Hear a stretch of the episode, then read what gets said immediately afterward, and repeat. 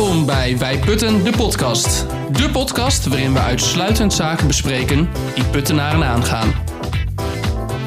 Welkom bij de alweer derde podcast van Wij Putten.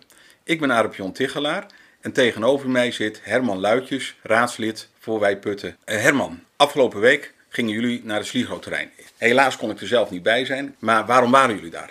Wij waren uitgenodigd door Wilma Wonen, dat is een, eh, een ontwikkelaar. Je weet, de Sligro eh, aan de Voorthuizenstraat, dat bedrijf dat zit er niet meer. Nee, dat vroeg- was een, Vroeger noemden we dat Flevozoon. dus dat- dat was een, een bedrijf met heel veel eh, nou, vervoersbewegingen. Dat is weg, dat staat daar. Nou, het staat niet leeg, het wordt nu wel tijdelijk verhuurd, maar in principe eh, heeft het geen functie op dit moment. We hebben nog ons even zorgen gemaakt over de arbeidsplaatsen die eh, daar verloren gingen, maar daar hoor ik niks meer over. Nee, dat is kennelijk eh, geen enkel thema. Maar eh, dat is nu gekocht door een club dat heet Wilma Wonen. En ja, die willen daar woningen gaan ontwikkelen. En die hebben ons uitgenodigd om, eens, om het te laten zien, om het gebied te laten zien. En jullie zijn dus over het terrein heen wezen lopen en jullie hebben gekeken van nou, wat de mogelijkheden zijn en wat zij dan al hebben bedacht. Hebben jullie ook tekeningen gezien of was het nog niet zover? Nou ja, we, we zijn er eerst overheen gelopen. En ik, ik moet je echt zeggen, hè, je, je komt er zo vaak aan de voorkant langs. En, maar we zijn er nu achterlangs geweest. Nou, je weet niet wat je ziet. Waar vroeger alle kratten stonden, alle Ja. lege kratten. Echt, daar staat een doos achter, zeg maar een, een gebouw zo groot. Het is 7 hectare in totaal, dat gebied. Dus daar zou je aan, iets aan 4, 5 hectare woningen op kunnen zetten. Er is wel een probleem daar. Dat werd ons in ieder geval eh, daarna in de presentatie wel verteld. Er is wel een probleem en dat is de overbuurman, een storteboom. Ja, milieucirkel. Geur, hè? Het is Ja. vooral geur. Ja. En dat betekent dat ze wel beperkt zijn in hun mogelijkheden voor woningbouw. Maar dan zouden de woningen eventueel naar achteren gaan. Maar over hoeveel woningen praten we eigenlijk? Ja, het is 7 hectare. Dus, eh, en het eerste deel is niet bruikbaar. Nou, ga er eens vanuit dat het ergens tussen de 100 en de 140 zit. Nou, dat schiet op. Want Nou. onze woningbouwopgave is ook zo rond dat getal. 100, 100, 120, 140 per jaar. Je zou kunnen zeggen, het is een jaarproductie. Ja. En wanneer zou dat dan gerealiseerd moeten worden? Wat is dan even grofweg zo voor de duim de gedachte? 2023? Ja, op z'n vroegst. Dus ja. dat gaat nog net lekker voor Putters uit. die zit nog, Alvinkhuizen moet ik zeggen. ja, die, zit, die zou er nog net voor kunnen. Wat daar gebouwd gaat worden, gaat dan helemaal volgens de woonvisie die we hebben. Dus in alle soorten en, en maten die er zijn. Ja. Eh, iets meer of iets minder, maar gewoon exacte woonvisie. Het, het, Zo'n plan zit nog in het beginstadium. En eh, ze zijn nog in gesprek met het college en met de ambtelijke organisatie. Maar wel mooi dat dan gemeenteraadsleden al meegenomen worden in de gedachtegang die zij hebben. Ja, want het is natuurlijk, eh, 7 hectare is natuurlijk een groot gebied. Hè? En als je daar overheen loopt en je ziet dat het allemaal verhard terrein is. Het, is, het ziet er, nou ja, aan de achterkant eerlijk gezegd niet uit, maar niemand die het ziet overigens. hè. Denk ik dat het wel een fantastisch ge- woongebied zou kunnen worden. Want het grenst zo ongeveer aan het eh, Natura Ja, 2000 gebied. Precies, het is eigenlijk een vakantiegebied. Mensen gaan naar zo'n plek, naar zo'n locatie gaan ze op vakantie. Nou ja, daar zit ook een recreatiepark naast Precies, precies. Maar je wint wat, en dat zijn niet wat, maar dat zijn 120 woningen. Maar je verliest ook wat, en dat is namelijk 7 hectare bedrijfsterrein. Is daarover nagedacht? Eh, Er is ooit al in de raad, eh, dat is alweer een paar jaar geleden hoor, gesproken in, in termen van we zouden een lijstje moeten bijhouden waar we in Putten overal zeg maar, bedrijfsbestemmingen inwisselen voor wonen. Om dat bij te houden en dan met de provincie in gesprek te gaan te zeggen, mogen we dat dan ergens anders weer maken? Ja. Hè, eh, dat zou Moeten ook we die plek wel hebben natuurlijk. ja, dus eh, we hebben het nu over de Henslaren bijvoorbeeld. Het zou wel handig zijn als straks blijkt dat de Henslaren eh, groter of weet ik veel zou moeten worden. Dat je dan zegt, kijk, maar we hebben bij de Sligro ooit gewoon 7 hectare ingeleverd. Ja. Mind you. We zouden eigenlijk een be- bedrijfsmeterbalans moeten hebben. Ja, eh, gewoon eh, die we opnemen, hè? Een, so- een soort van bank Ja, waar je je, je, je je- meters instopt, Ja. maar je ze later weer uit kan halen. waar je ze later uit kan halen. Dat, dat het niet ten koste gaat van de bedrijvigheid in het dorp. Maar dit is 2023, we zitten nu in 2021. De woningnood is, is schrijnend. Wat staat er ons nog te wachten tot die tijd? En dan denk ik aan bijvoorbeeld flexwonen. Ja, dus we hebben eh, een paar maanden geleden een besluit genomen om in ieder geval eh, aan de Bijsterse weg 25 flexwoningen te gaan maken. Dat is een, een druppeltje op een gloeiende plaat. Dat is Maar een- het begin is er dan. ja, dat, het begin is er, want het idee is steeds dat er, nou, ergens tussen de 60 en 80. Ja, de opgave is, is, is 80 heb ik gelezen. Ja. En wij zoeken nu naastig naar nieuwe locaties. Althans, dat is de opdracht geweest aan het college. Ja, en dat betekent dat we ergens in de loop van 2022 eh, met een volgende locatie gaan beginnen. En nou, ik neem aan dat eind dit jaar de vergunningenaanvraag gaan lopen voor die eerste locatie dan aan de Bijsterseweg.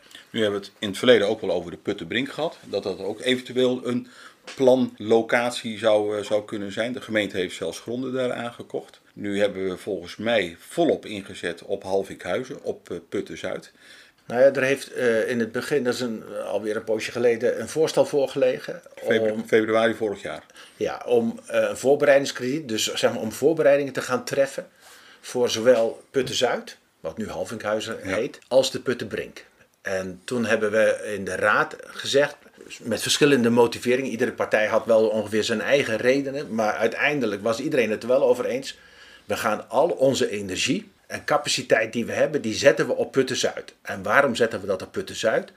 Omdat daar de grote aantallen woningen te realiseren zijn. Dus dan is het ook verstandig om daar al je capaciteit op te zetten. En de capaciteit in Putten is al beperkt. Dus ga nou niet op twee plekken zitten werken, was toen de redenering, maar kies er één. Maar op zich vind ik het best wel slim dat de gemeente die grond al heeft aangekocht. Want voordat er allerlei speculanten er weer bovenop zitten en je zometeen geen grondpositie meer hebt, hebben we in ieder geval die grond. Ja, en ik heb in ieder geval namens Wij Putten toen gezegd: college, kies voor één. Maar dat wil niet zeggen dat daarmee Puttenbrink is afgeschreven. Maar we gaan hem in ieder geval niet nu doen. Maar we houden hem in portefeuille voor misschien de toekomst. Al denk ik dat dat nog wel zo lang zal duren dat dat een andere generatie raadsleden zal zijn die daarover moet gaan besluiten dan de, de, de huidige generatie raadsleden. Want Maar we zetten in ieder geval niet de deur op slot. Dus de deur zit niet op slot. En dat is op zich weer heel goed. En wij spraken pas een boerin in de eerste podcast. En die had daar stukjes land in pacht. En die kon daar mooi gebruik van maken. Ja, die had die gronden juist in pacht. Hè? Het Daar. ging over die grond. De agrarische gronden van de gemeente. Daar komt het nu op neer. Ja, ja. Vlak daarbij zit Husselsteeg. Er is al heel veel over gezegd. Voormalige campingterrein Hillary. Met 65 eh, opstallen, caravans, bungalowtjes, dat soort zaken. Ja, dat wordt nu omgetund.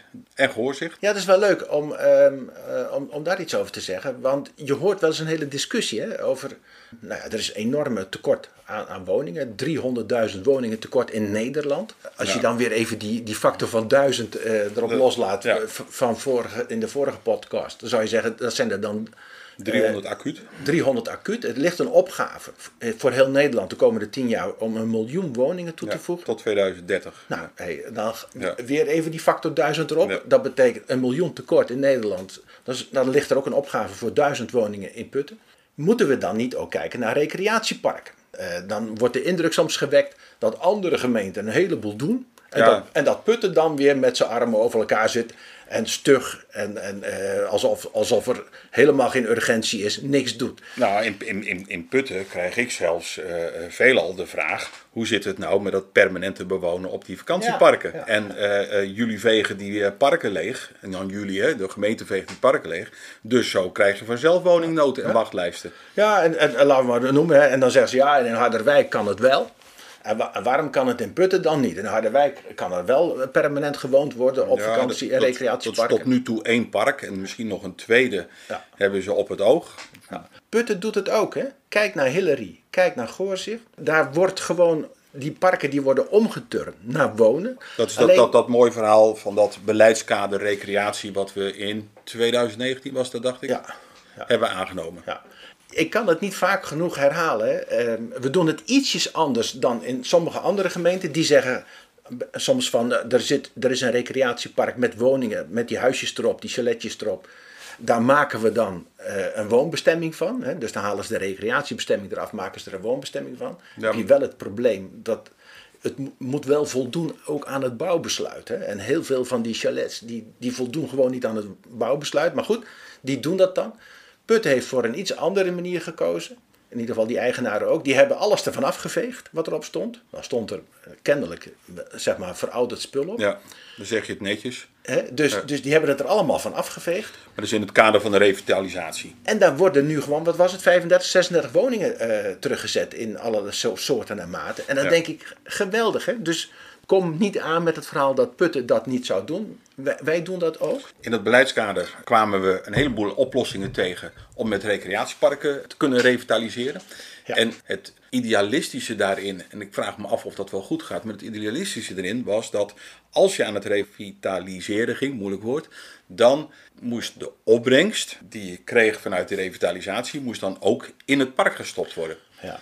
Kijk, we hebben toen tegen elkaar gezegd, want Putten heeft iets van 60 parken of zo. 60 parken. 60 parken in die buurt en iets van nou, Drie. tussen de 2500 en de 3000 plekken, plekken daar. recreatieplekken. Ja, en er was een voorstel toen om te zeggen: ieder park zou best wat van die huisjes mogen aanwijzen om er in ieder geval in te wonen. Dat was, dat was iets ingewikkelds met eh, maximaal vijf plekken per recreatiepark. Ja, en nooit meer dan 10%. Ja. En totaal, in zijn totaliteit mocht het niet meer zijn dan 80. Maar dat was 2019. Dat was 2019. En toen hebben wij, eh, van, wij Putten, heeft toen in de gemeenteraad dat besluit wat gewijzigd. Met een amendement. met een amendement. En eh, dat heeft ook de meerderheid gekregen in de raad. Toen hebben we gezegd, die vijf, die schrappen we. Ja. En ook die 80, Die schrappen we ook, ook. En dan maken we gewoon 10%. En gewoon die 10%. Dus Maar waarom is die 10% theorie- Herman? Nou ja, in theorie betekent dat als je 3000 van die, park, van die woningen op die parken hebt, dat je er 300 tijdelijk zou kunnen inzetten. Daar zijn we er weer. Ja, voor, voor eh, nou ja, starters, voor mensen die... die gescheiden, mensen die gescheiden al zijn. die spoedzoekers Ja. en noem maar op. Nou hebben we begin dit jaar een, over, een eerste evaluatie gehad. Ja, daar hadden we om gevraagd. En we zeiden van ja, we willen wel eventjes de vinger aan de pols houden. En gaat het wel goed? Er zijn in totaal 16 huisjes die daarvoor eh, gebruikt worden op 7 parken. Dus dat schiet lekker op. Eerlijk gezegd valt me dat tegen, want ik heb niet voor niks dat maximum van Ja. 80 uit, uit dat voorstel geschrapt. Nu was dat wel, Herman, de evaluatie over 2020. Dus we moeten eigenlijk nu over 2021 moeten we ook weten. Nou ja, dit is voor mij wel een aanleiding nu om opnieuw het college te vragen van... Het kan zijn dat het onvoldoende bekend is. Het kan zijn dat er geen animo voor is. Het kan zijn dat men niet Ja. wil herinvesteren in een eigen park met die opbrengsten. Misschien is die vraag er wel, maar als parkeigenaren het niet aanbieden, ja, dan hebben we ook een probleem. Dus ik, ik, wil, ik wil daar nog wel even op ingaan en ook nagaan of ons, onze eisen die we eraan gesteld hebben misschien niet te streng zijn. Maar wat ik zo vreemd vind, is dat tijdens corona, ja dat is op zich niet zo vreemd, maar tijdens coronatijd zijn er ontzettend veel tweede woningen gekocht. En heel veel recreatieobjecten gekocht. En dat is wel heel wrang, dat er een ernstige woningnood is, maar ondertussen veel recreatiewoningen uit de markt worden gehaald. Ja, en, nou, deels heeft het natuurlijk te maken dat ja, je, je, zat de hele dag thuis. Hè? En als je dan in de Randstad woont en je kan geen kant op, dat, dat je nogal aan het huis eh, gebonden was. Wij, wij konden hier gewoon het bos inlopen, et, et cetera. Je mocht wel de straat op. Ja, en kijk, als je in de Randstad zat, za- zat je toch veel vaster. Nou, dan snap ik wel dat er een behoefte is aan een tweede huisje. Maar goed, je, je merkt nu ook bij de binnenlandse recreatie dat, dat het een enorme boom heeft gehad. Dan denk ik van, nou, we, zit- we zitten denk ik wel op de goede weg als het gaat om eh, recreatiewoningen bestemd houden voor recreatie. Maar ik zou toch ook nog wel willen nadenken over nou ja, de mogelijkheden die we gecreëerd hebben. Of we die zodanig hebben vormgegeven. Want nu merk ik dat er heel weinig gebruik van wordt gemaakt. En dat is jammer. We hebben ook wel de inspreker gehad van de prof, de Puttense Recreatieondernemersvereniging. En die prof die geeft aan, ja, eigenlijk is die behoefte van permanent bewonen bij onze parken, is er niet zo. Als ondernemer, we hebben liever die recreant hebben we hier naar Putten toe. Ja, dat, dat zou dus een van de redenen kunnen zijn waarom er maar 16 eenheden verhuurd zijn op grond van eh, tijdelijke bewoning op zeven parken. En ook niet meer dan dat. Hè. Dus ik zei al, er kan wel behoefte zijn aan de ene, vraag aan de ene kant. Maar als het aanbod er niet is, dan, ja, dan gaan ze elkaar ook niet ontmoeten. Herman, we weten het niet, dus jij gaat vragen stellen. Ik ga vragen stellen. Akkoord. Waar, waarschijnlijk of onwaar? Herman, je moet me even helpen, want ik heb ergens gelezen. Als het gemeentebestuur in 2009 een visie had gehad, dan hadden wij nu voldoende woningen gehad. Ken je die uitspraak? Ja, die, die komt mij bekend voor. En heb ik ook gelezen. Het is wel 2009. Dat gaat eigenlijk Nou ja, die uitspraak is van, van een paar Ja. maanden geleden, maar het gaat over 2009. Als we in 2009 een visie hadden gehad en we is dan het gemeentebestuur van Putten. Dat denk ik. Ja. Nou, ik, laat me beginnen. Ik voel me er niet op aangesproken. Nee, want wij Putten moesten nog opgericht worden. Precies. Dus, eh, Wie zaten er in het college in 2009? Dat was een college bestaande uit de VVD, CDA, ChristenUnie en SGP. Dus eigenlijk worden hier de VVD, CDA, ChristenUnie en SGP op aangesproken. Ja, die hadden kennelijk geen visie. En als ze die wel hadden gehad, hadden we nu geen probleem gehad. Ik, ik dicht het college van burgemeester en wethouders van de gemeente Putten heel veel invloed toe. Maar dat ze eh, een wooncrisis hadden kunnen voorkomen door in 2009 een visie te doen, daar geloof ik helemaal niets van. Maar dan ook echt helemaal niets was, van. we zaten in het begin van de bouwcrisis. Ja, 2008 was eh, Lehman Brothers omgevallen. Hè? Ja. Dus we, we denderden daar zeg maar, die eerste crisis in. Maar tijdens zo'n periode dat je het ontzettend moeilijk hebt. En er is een bouwcrisis en er is een financiële crisis. En dan gaan zeggen, we moeten nu met elkaar gaan bouwen. Had dat gekund? Ik weet niet of je een bedrijf had gevonden, want je, je zag dat het overal eh, inkromp. Maar dat, dat heet dan anticyclisch gaan werken. Hè? Maar stel, stel je voor dat we anticyclisch hadden willen werken. Dan was de vraag geweest, kan een gemeente anticyclisch werken? En daar bedoelen we dan mee dat je bij wijze van spreken geld gaat lenen. Dan een heleboel geld er ergens in gaat pompen en dan zeggen van nou... Kijk, kijken of het, of het goed uitkomt. Ja, de economie stimuleren. Ja. Nou weet ik dat iedere gemeente in die tijd wel geprobeerd heeft om allerlei zaken naar voren te halen. Want in het begin van die crisis dachten we nog, misschien kunnen we door bijvoorbeeld onderhoudsactiviteiten naar voren te halen, de economie ja, draaiende houden. Hè. Dat, dat hebben gemeenten wel gedaan. Maar je moet je in ieder geval realiseren dat de gemeente, anders dan de Rijksoverheid, niet in het rood mag gaan staan. Nee, dan krijg je direct bijzonder toezicht. Ja, dan heb je de provincie in je nek hangen meteen. Want die, dat is de toezichthouder. Hè? En, en de provincie die komt meteen jou uitleggen, als jouw begroting niet sluitend is, dat je een probleem hebt. Maar als je een probleem hebt bij de provincie, dan kom je dus onder het toezicht te staan. Vervolgens, als het nog veel erger wordt, dan kom je zelfs onder rijkstoezicht te staan.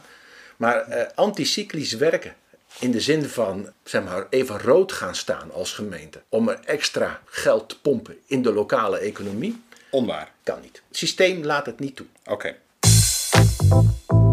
Als jij nu een actualiteit van de week moet duiden, Herman, welke zou je dan pakken? Nou, wat mij eh, de afgelopen dagen heel erg heeft beziggehouden, is alle perikelen rondom de herindeling van eh, Scherpenzeel en Barneveld. Oh, oh, wacht even. Dit is Putten, hè? Dit is een podcast van Wij Putten en het gaat over Putten. Ja, dit gaat misschien ook wel over Putten. Er speelde namelijk een, een herindelingsproces tussen Scherpenzeel en Barneveld. Nou, Barneveld is een buurgemeente van ons natuurlijk. En Scherpenzeel had een probleem. De provincie eigenlijk heeft aangegeven, wij vinden dat Scherpenzeel moet gaan fuseren met Barneveld. Maar dat wil Scherpenzeel natuurlijk niet. Nee.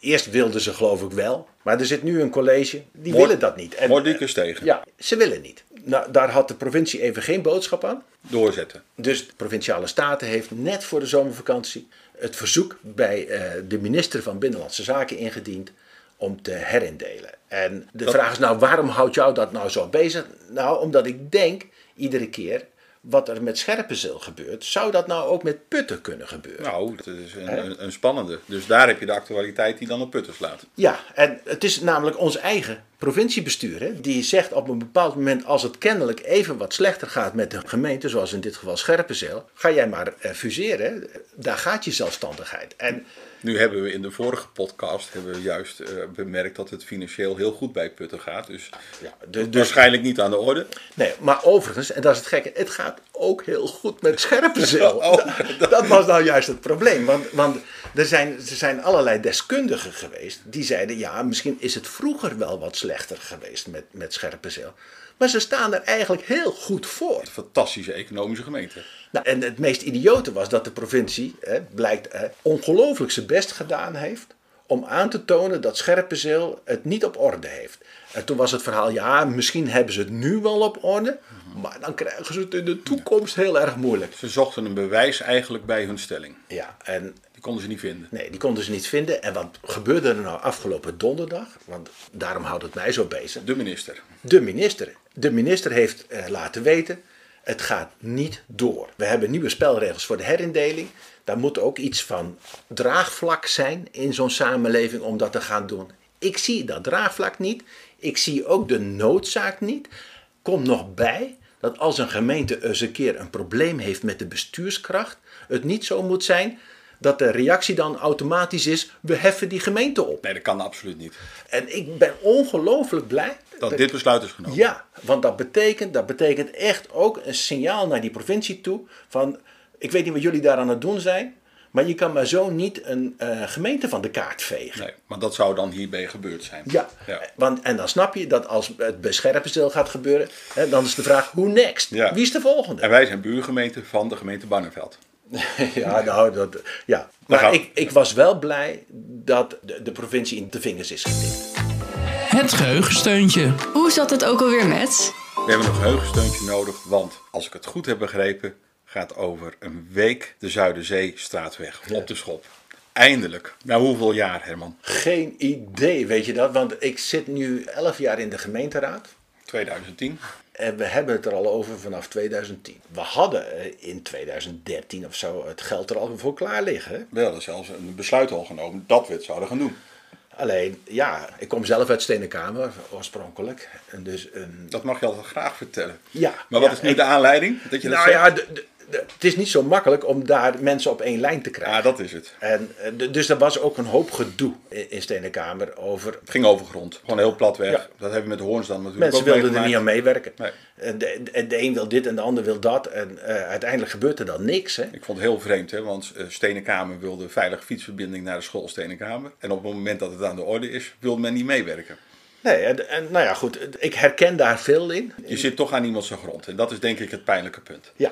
Wij hebben vanuit de gemeente steeds gezegd, nou ja, we houden het geld ervoor gereserveerd. Hoe lang gaan we dat nog doen? Hè? Ik heb ook in, in een keer, nou, een paar jaar geleden, nog een oproep gedaan in de gemeenteraad. Ook naar de mensen in Stenenkamer. Ze zeiden, jongens, dat geld ligt er nog, maar hoe lang houden we dit geld gereserveerd? Namelijk niks gebeurt met dat geld, dan gaan we het ergens anders voor gebruiken. Wat ik dan spannend vind, Herman, is dat nog wel actueel. Hè? Wat is dat bedrag, dat krediet wat daarvoor gemaakt is, is dat nog wel actueel? Dat is een goede vraag. Daar gaan we, daar gaan we nu nog achter komen. Ja, Maar- ja.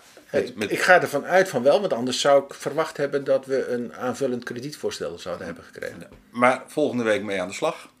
Natuurlijk heel veel pijn. Nu in de zooi. Straks wordt het mooi. Nou ja, ik ben in ieder geval blij, want eh, ik weet niet wie er nou wel eens over die waterweg heen rijdt, maar het, het, het, het mag bijna geen, geen weg meer heten. De agenda. Wat kunnen we binnenkort verwachten?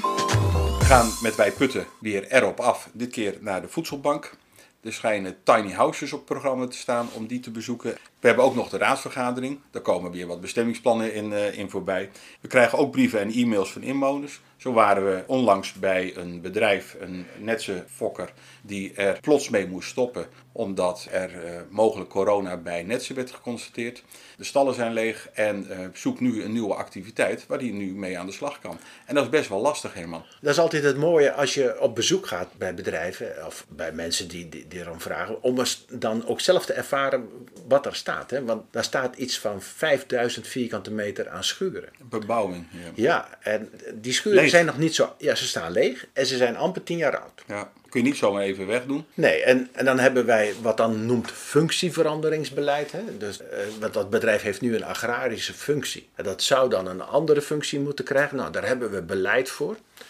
Maar dan moet je heel veel slopen. En dan mag je eh, over het algemeen een huisje terugbouwen. Maar als je dan kijkt naar hoeveel vierkante meter daar staat. En hoe nieuw dat nog is. Dan begrijp je wel dat dat ons functieveranderingsbeleid daar niet voor geschreven is. Ik denk dat dat wel weer eh, terug gaat komen in een andere podcast.